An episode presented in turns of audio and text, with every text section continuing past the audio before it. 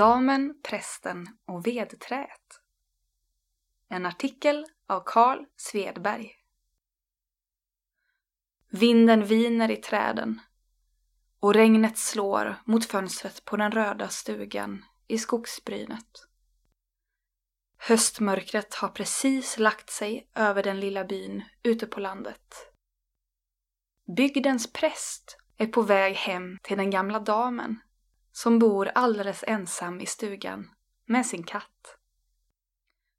För ett par veckor sedan slutade hon plötsligt att gå i kyrkan efter att i många år ha varit en trogen gudstjänstbesökare.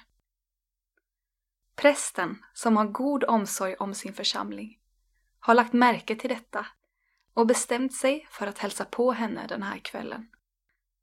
Det knarrar när prästen tar stegen uppför trätrappan och knackar på dörren.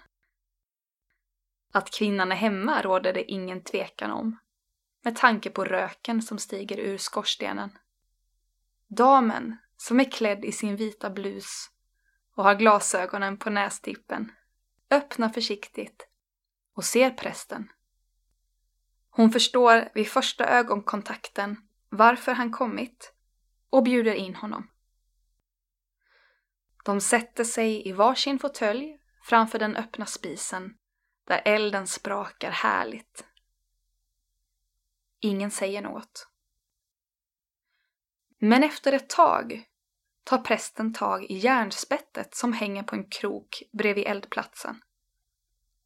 Tyst och försiktigt lutar han sig fram och petar bort ett av vedträna så att det hamnar utanför brasan. Sen lutar han sig tillbaka i den sköna fåtöljen, fortfarande utan ett ord. Minutvisaren på den gamla klockan tickar ett par steg till och elden fortsätter att brinna och sprida värme.